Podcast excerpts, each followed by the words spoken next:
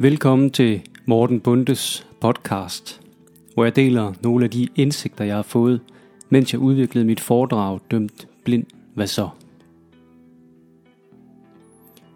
Det her det er min første podcast, og jeg er helt op at køre over det her medie, som jeg har tænkt mig at gøre meget mere ved i fremtiden. Jeg har skrevet en del blogindlæg på min hjemmeside, der hedder mortenbunde.dk, og så har jeg holdt en del foredrag om, hvordan det er, man kan se muligheder i det umulige. Det er sådan, at jeg har en øjensygdom, der langsomt gør mig blind. Cellerne i nethinden bliver langsomt slukket en for en. Og mit syn, det forsvinder også lige så langsomt hen over årene. Og for nogle år siden, da jeg sad og var godt og grundigt nedtrykt og deprimeret og havde stress og vidste ikke, hvordan jeg skulle komme videre, der fandt jeg pludselig ud af, hvordan jeg skulle overvinde det her, hvordan jeg skulle komme videre i livet. Og det kom der faktisk et foredrag ud af, som jeg rejser rundt med og har holdt en del af. Foredraget hedder Dømt Blind. Hvad så? Det er min mening i de her podcasts at bringe nogle af alle de pointer, som jeg fortæller om i, i foredraget, øh, i sådan lidt mere øh, let fordøjeligt format, som de her podcast er, så du kan lytte til dem, øh, når du er på farten, eller i bilen, eller hvor end du er. Og den første ting, jeg vil fortælle om, det er faktisk nogle refleksioner oven på den her sommer, som vi har haft. Det har været den mest fantastiske sommer, jeg nogensinde kan huske vejr det har været super formidabelt. Og man kan sige, at vores sommerferie her i vores lille familie, den har i hvert fald budt på ro og en masse tid til eftertanke. Og specielt da Mette, min kone, hun brækkede sin ankel fire dage inden vi skulle på ferie. Og vi alle sammen har måttet blive på terrassen. For jeg kan ikke køre noget, nogen steder mere, og Mette måtte heller ikke køre nogen steder. Så det kunne have været en rigtig træls ferie, da vi faktisk måtte sige farvel til vores ferie til Vesterhavet, hvor vi havde et sommerhus, der ventede på os. Og vi havde en tur til Kreta, som vi også måtte melde afbud til. Men faktisk så endte det med at blive en skøn, skøn familie tid og ferie i baghaven. Og der skete, der skete faktisk det, at øh, da vi ligesom øh, måtte erkende, at vi kom ikke nogen steder i ferien, øh, og vi nævnte det for vores drenge, at der blev ikke noget øh, rejsen overhovedet, så besluttede vi alle sammen bare for, at det her det skulle blive den dejligste ferie, vi kunne skabe sammen overhovedet. Og, og med de vilkår, der nu var.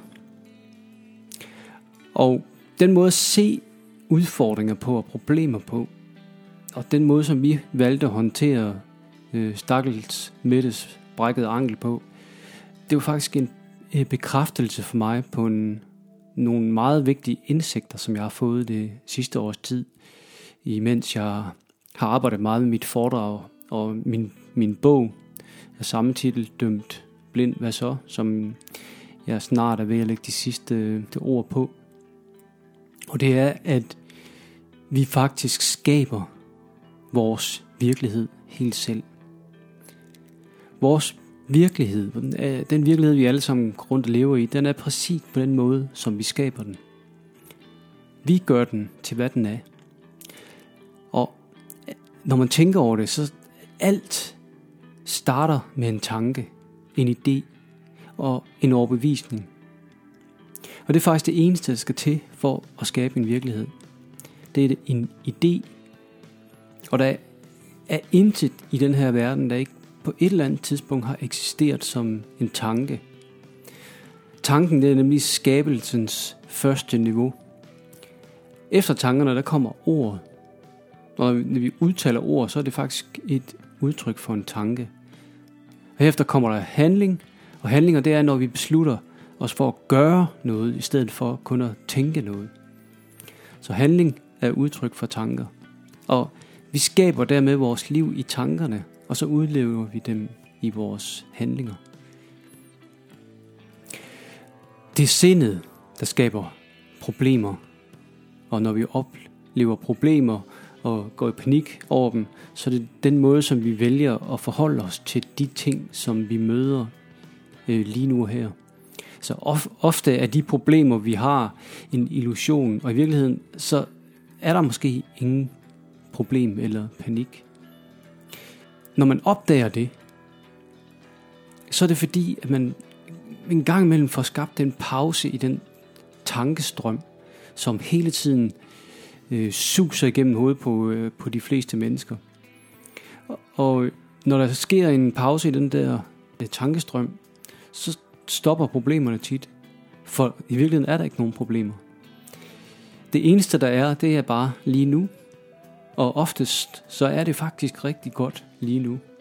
Så det vi kalder problemer, det er mere en potentiel fremtid, der måske kan ske, men som oftest ender med at løse sig helt af sig selv, når det engang bliver lige nu. Altså, da jeg opdagede det, der kunne jeg simpelthen ikke lade være med at grine af livets problemer. Alle de problemer, som vi har og som vi skaber.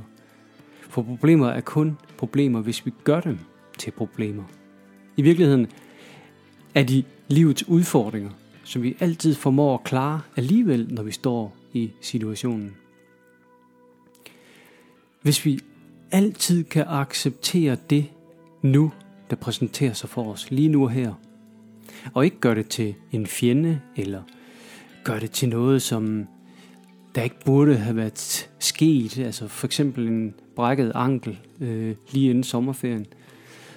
Hvis man ikke gør det til problemer, og bare accepterer det, når det sker, så opstår der ingen problemer. Så er det kun en udfordring, der skal løses, ud fra en tilstand af total accept. Måden jeg lever mit liv på, det er hele tiden at være bevidst om at lade alting få plads. Og når det uventede og det jeg før måske ville have kategoriseret som øh, dårligt eller ubehageligt, når det kommer, hvilket jo oftest er negative tanker om situationer, som vi ikke ønsker at være i, som vi ikke øh, bryder os om, som vi på en eller anden måde kategoriserer som dårlige, ja, så accepterer jeg dem fuldt ud med det samme, som det er. Jeg kæmper ikke mod dem. Jeg anerkender dem, men beslutter mig for at lade dem passere som skyer på himlen, som de tanker, de i virkeligheden er. Det er faktisk et valg om beslutning, vi alle sammen kan træffe. Når vi er bevidste, og, så, og når vi forlader den der tankeverden for at tage hvil i væren, altså lige nu. Vores ferie i år, den blev en skøn ferie. Og den samlede vores lille familie, som vi ikke har været samlet i mange år, fordi vi besluttede, at det var det, øh, vi ville bruge ferien til, og det ville vi, det vi ville have ud af situationen, som vi pludselig befandt os i. Det er sådan, jeg også har valgt at håndtere mit svigtende syn på. Altså det, at jeg taber evnen til at se lige så langsomt. Det er jo et vilkår, jeg ikke selv kan kontrollere.